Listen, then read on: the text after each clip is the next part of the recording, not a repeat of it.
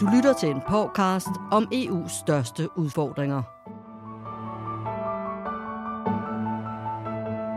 I dag handler det om mikrochips, og min gæst er seniorrådgiver i Tænketanken Europa, Jan Høst Schmidt. Velkommen til dig. Tak skal du have. Og du vil måske lige kort introducere dig selv? Ja, jeg kan lige sige, at jeg er tidligere direktør i Europakommissionen og har arbejdet med økonomiske politiske spørgsmål øh, i Europakommissionen i cirka 20 år. Der er jo kommet det forslag, som vi skal tale om i dag. Det er et nyt forslag fra kommissionen, som øh, skal få EU på banen, når det handler om øh, mikrochip. EU Chips Act 2022 kalder kommissionen det her forslag. Og øh, Jan Høst Schmidt, først lidt praktisk sådan et forslag, der kommer fra kommissionen. Hvordan er dens vej, sådan et forslag, ind til lovgivning? Det er jo forskelligt øh, fra forslag til forslag, også afhængig af, hvor kontroversielt det eventuelt måtte være. Men øh, det her forslag er, kan man sige, godt på vej øh, igennem øh, lovgivningens rumlen i Bruxelles. Øh, og øh, man, jeg tror, de fleste regner med, at det bliver i begyndelsen af næste år, at det bliver vedtaget. Det er rimeligt hurtigt, men det er jo også vedtaget i kommissionen øh, og annonceret af kommissionen som et forslag, der skal øh, virke hurtigst muligt. Øh, Chips-akten, den beskriver jo et samarbejde, der skal til for at gøre det muligt for EU's andel af markedet at vokse fra hele fra 10% i dag til 20% af markedet i 2030. Øh, hvad, hvad er det for et samarbejde, kommissionen forestiller sig? Ja, altså man kan sige, at EU's Chips Act her er et led i jagten på forsyningssikkerhed og det, som EU kalder strategisk autonomi, men det betyder jo, hvad kan man sige på mere godt dansk, at EU skal kunne træffe sine industripolitiske beslutninger selv, øh, sine sikkerhedspolitiske beslutninger selv, uden at man bliver forhindret for eksempel mangel på mikrochips eller andre forhindringer udefra. De vil jo gerne have nogle samarbejder i gang, øh, både inden for EU-landene og også have nogle samarbejdspartnere ude, udefra. Altså, hvordan kan man gøre det? Jamen, det gør man jo altså først og fremmest ved, at øh, man her ønsker at starte en produktion af avanceret mikrochip. Indtil videre har EU en produktion, en lille produktion af mindre avancerede mikrochips, som man fortrinsvis så bruger for eksempel i bilindustrien. Men det man ønsker, det er altså at komme ind som en spiller øh, blandt de store USA, Kina og så især de sydøstasiatiske lande, Sydkorea og Taiwan. Og, øh, og det er med det, man kalder avanceret mikrochip, øh, og det indebærer altså en lang række ting. Det indebærer, at man bygger videre på et samarbejde, som er i EU for øjeblikket, øh, omkring forskning og udvikling, øh, omkring øh, hvad hedder det, mere avancerede chips, og design af den slags chips, de er jo bitte, bitte, bitte små, så designet betyder øh, også noget i sig selv øh, og er altså vigtigt. Men det er også et spørgsmål om at kunne etablere eller få etableret øh, fabrikker i EU, som er i stand til at øh, producere de her avancerede mikrochip. Og der kan man så bare sige, at det kan tage øh, op til 10 år at få etableret sådan en, øh, hvad skal vi sige, fuld øh, produktionsproces, øh, når vi taler både om forskning, udvikling, innovation øh, og design plus øh, egentlig produktionsfaciliteter. Og det koster kassen, altså det koster rigtig mange penge. Og det er jo det, vi når til nu, fordi der er jo mange ting i det med økonomien. Øh, hvordan tænker EU det sådan lige nu øh, på papiret, når det, som der står nu i den her Microchips Act? Ja, altså ideen er jo først og fremmest, ikke, at man bygger videre på det forsknings- og udviklingsarbejde, man har, hvor der er et samarbejde med en række medlemslande, øh, plus øh, lande uden for for eksempel Norge, øh, og en række virksomheder plus Europakommissionen. Øh, og hvor der tilføres midler i øjeblikket fra øh, EU's budget. Der er jo store forskningsmidler i dette budget. Så vidt jeg husker 3,5 til 5 øh, milliarder, plus at man så har for eksempel øh, den europæiske investeringsbank med til yderligere at putte penge i de her projekter om etablering af innovative produktionsprocesser og andre ting. Så det er den ene del, det er forskning, udvikling, innovation, som jo er meget vigtig, og som jo også spiller over i spørgsmålet om at få uddannet arbejdskraft og få uddannet forskere i EU, som kan, hvad skal vi sige, facilitere produktion af avancerede mikrochip.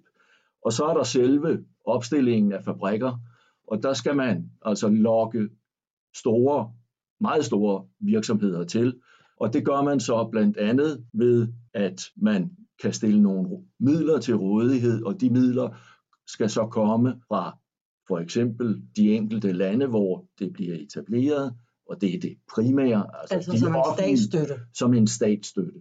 Som så EU ja. ser velvilligt på.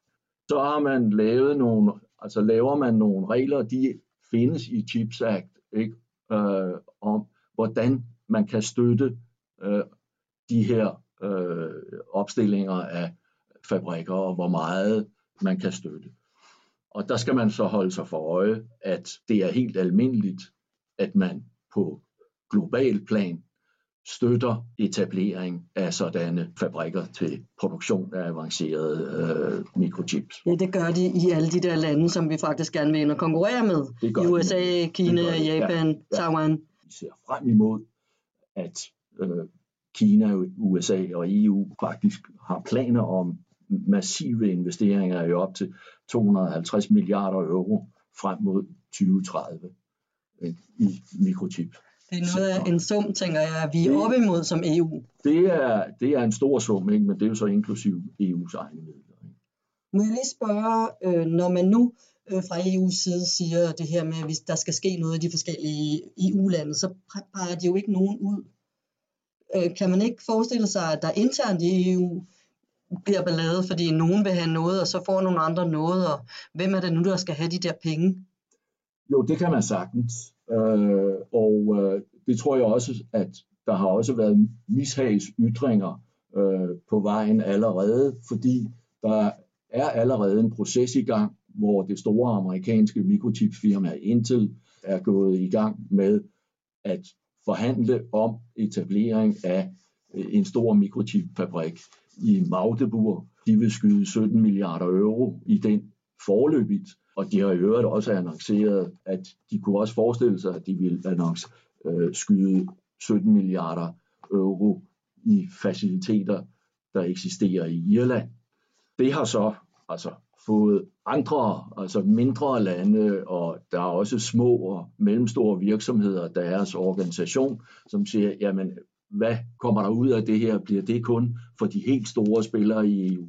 Men der ligger det også fast fra kommissionens side, at meningen er også, at vi har masser af små og mellemstore virksomheder, og også små og mellemstore virksomheder, som kan nogle avancerede ting ikke, på de her områder, at få dem knyttet øh, via forskning, udvikling og innovationssamarbejdet og få dem knyttet til de her store internationale virksomheder.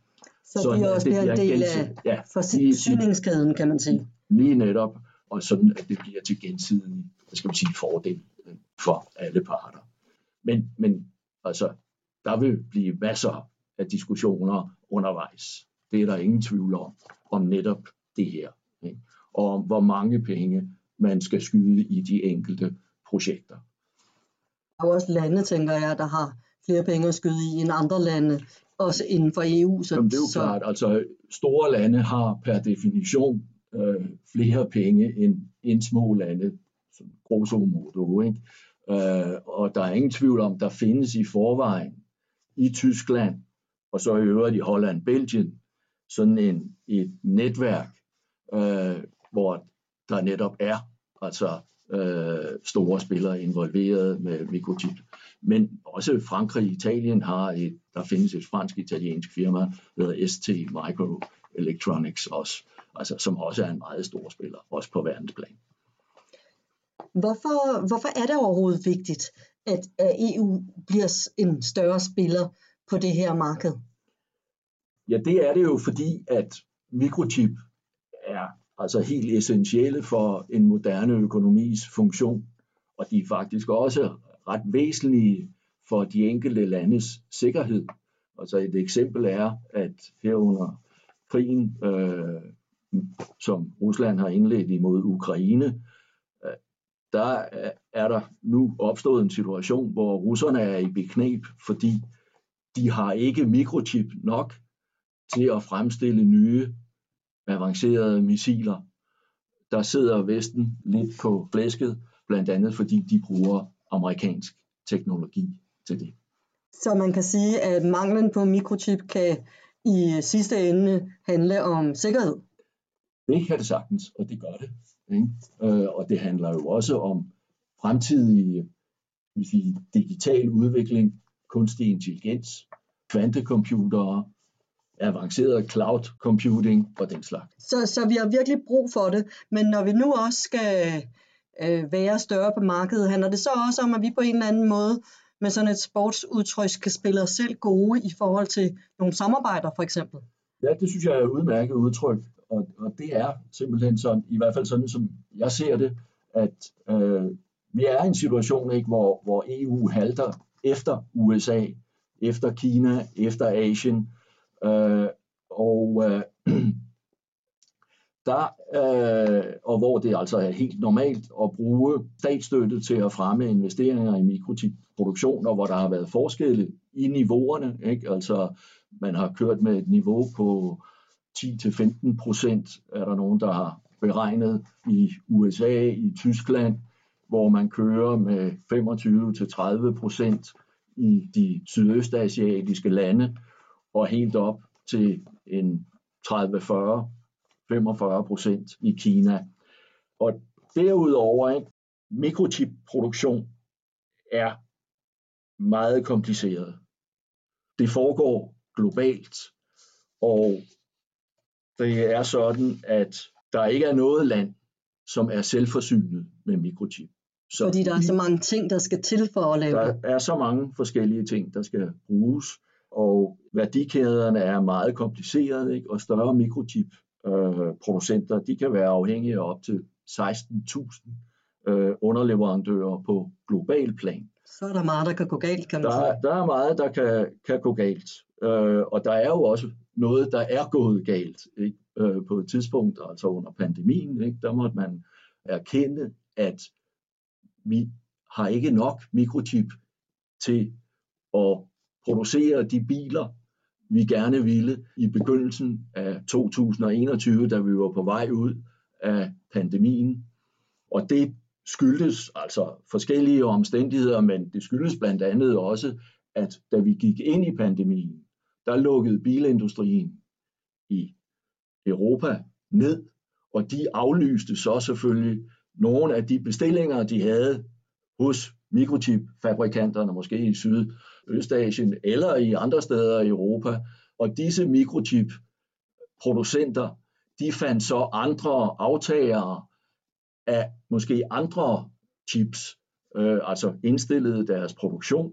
Det tager noget tid, men indstillede deres produktion af en anden slags chip, end det, som hvad skal vi sige, de enkelte bilproducenter havde brug. Så omstillingen kunne ikke lade sig gøre, og derfor stod man så altså i en situation, hvor man ikke havde mikrochip til bilindustrien, og derfor fik man heller ikke så meget gang i økonomien i Europa, som man ellers ville have fået i 21.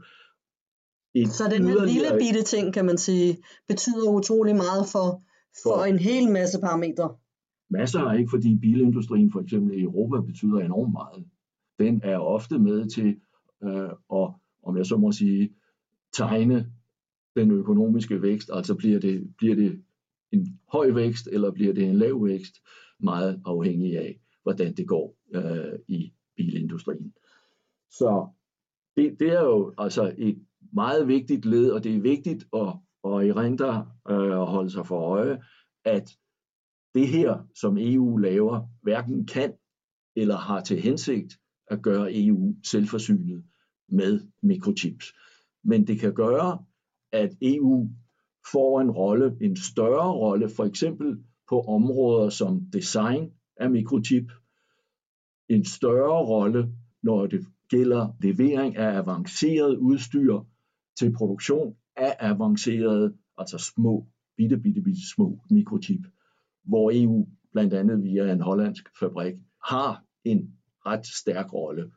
Så det er en, et element. Og så hvis der kommer en, kan vi sige, pæn produktion af mikrochip af avanceret kaliber øh, i EU, jamen så vil man jo også på et tidspunkt, hvor man altså måske står i en krise, så vil man jo også kunne sige, jamen hallo, øh, vi har de her mikrochips. Der er nogle af dem, vi ikke selv skal bruge. Er der nogle af jer, der skal bruge noget andet, så vil vi gerne lige have nogle andre mikrochip. Bytte, bytte, købmand. Ja, ikke? Så, så det kan også gøre sig, og i det hele taget, hvis der bliver etableret altså en, hvad skal vi sige, en kæde fra forskning, udvikling, innovation over produktion i Europa, så er man en meget mere troværdig spiller inden for mikrochip, hvad skal vi sige, forsyningskæden. Grunden til, at øh, denne her Chips kommer nu, er selvfølgelig, fordi det, øh, pandemien har sat det hele på spidsen.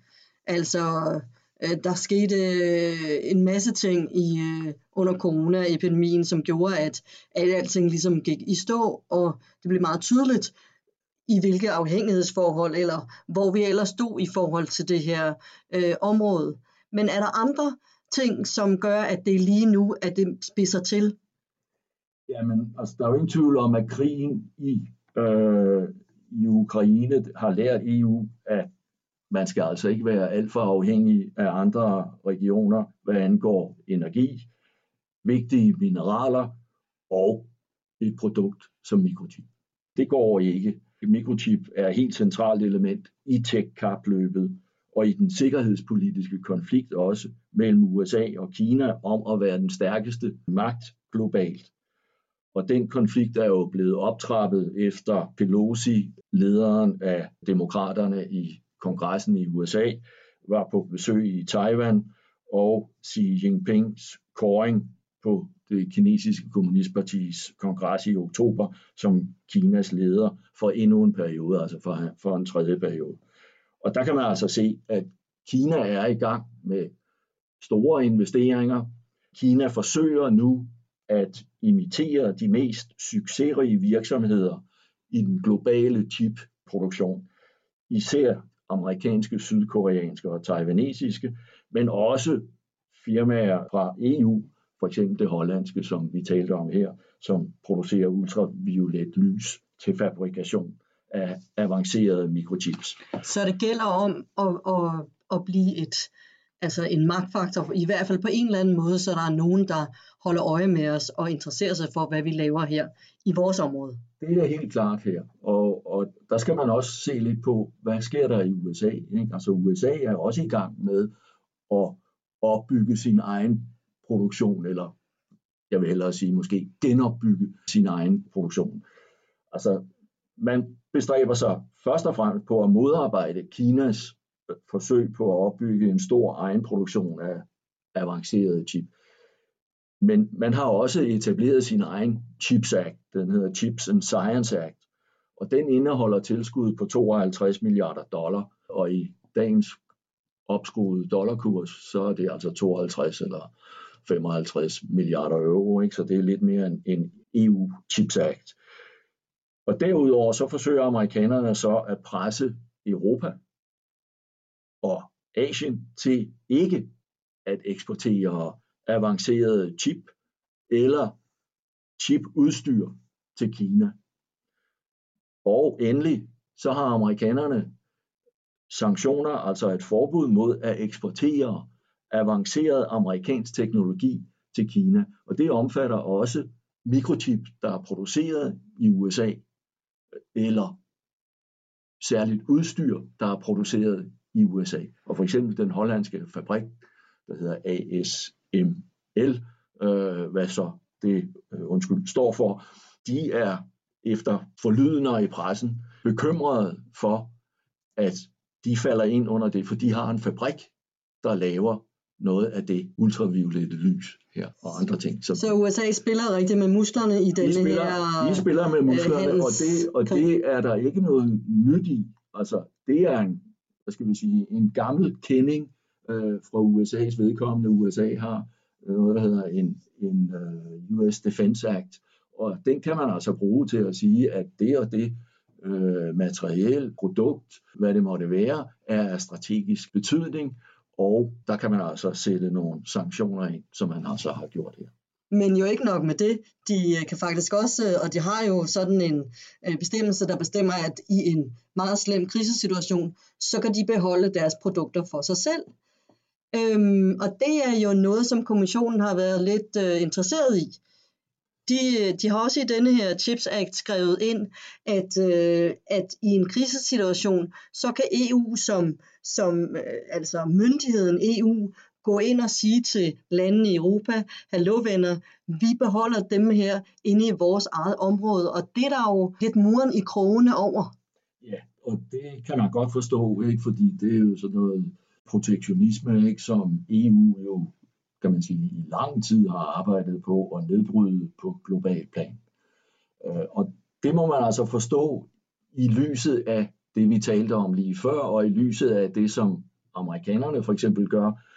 Øhm, og det man jo har foreslået fra kommissionens side, det er, at man via den her Chips Act øh, giver kommissionen en bemyndigelse til for det første at følge markedet og man også tvinger især de øh, virksomheder, som har modtaget midler fra det offentlige, altså EU-midler eller nationale midler, til at etablere fabrikker eller forsknings og, og hvad det ellers måtte ja. være, de skal oplyse jævnligt til myndighederne, altså også til kommissionen, øh, hvordan situationen er inden for øh, deres, kan man sige, produktions Altså hvor mange de laver, eller? Ja, hvor mange de laver, men også om markedsforholdene, ikke? fordi det er jo selvfølgelig producenterne, der først og fremmest hører noget om, at der er uler i mosen på et eller andet marked, der er nogen, der mangler, eller vi kommer til at mangle et input til noget af vores produktion, så vi kan ikke producere så mange mikrochips af den og den type, som vi ellers ville have kunnet gøre. Og den slags oplysninger er jo væsentlige, også for at man, hvis der opstår en krisesituation, og det er så den, det andet, kan man sige, kontroversielle led, det er, at kommissionen kan erklære, at der er en krisesituation. Og at i det tilfælde, der kan man altså tvinge virksomheder til at holde deres producerede mikrochip tilbage, sådan at det først og fremmest bliver købt af, kan man sige, europæiske virksomheder, de virksomheder, der måtte have brug for det. Og her har, øh, hvad hedder det, en af indvendingerne været, meget logisk kan man sige, jamen, hvad pokker, EU's industri, især bilindustrien, bruger ikke særlig mange avancerede mikrochip. De bruger nogle mindre avancerede, som vi talte om i begyndelsen. Så hvad pokker, altså det har, har jo ingen betydning. Og der må man altså så bare sige, okay, det her, det er et projekt 10 år frem. Længere frem endda. Øh, og som vi også talte om før, kunstig intelligens, kvantecomputere, førerløse biler, som man mener fra EU's side, og jo altså EU her, det er jo også medlemslandene, ikke? Øh, at det skal EU kunne være med i på sigt. Så derfor så er den indvinding, den, er, den passer i dagens øjeblikkelige situation, men den kommer forhåbentlig ikke til at passe fremover. Og så som jeg før talte om, så kunne man da også forestille sig, som du kaldte det, at man lavede bytte-bytte købmand med nogle andre, som mangler lige præcis nogle af de tip, som man har produceret i EU. Men det er jo det der føderale spøgelse, der gør det. Det, øh. det, det er klart, og øh, der kan man så sige, nu må vi jo se, hvad, hvad, hvad medlemslandene vil gå med til øh, på det her område. Men altså, en måde er jo at lave den normale garant og, og sige, jamen øh, det kan godt være, at kommissionen dekreterer, at der er en nødsituation. Men det skal altså lige accepteres enstemmigt, eller hvad det nu måtte være, af medlemslandene, og den foranstaltning, som kommissionen ønsker at kan man sige, iværksætte, den skal også godkendes af medlemslandene, øh, om det så måtte være kvalificeret flertal eller hvad. Nu øh, startede vi jo øh, hele det her med den her Microchips Act, og det de gerne vil opnå, det er øh, en fordobling af EU's produktion. Er det overhovedet realistisk? Det er svært at sige, øh, og jeg, jeg kan ikke lægge hovedet på blokken og, og sige det øh, 100 procent.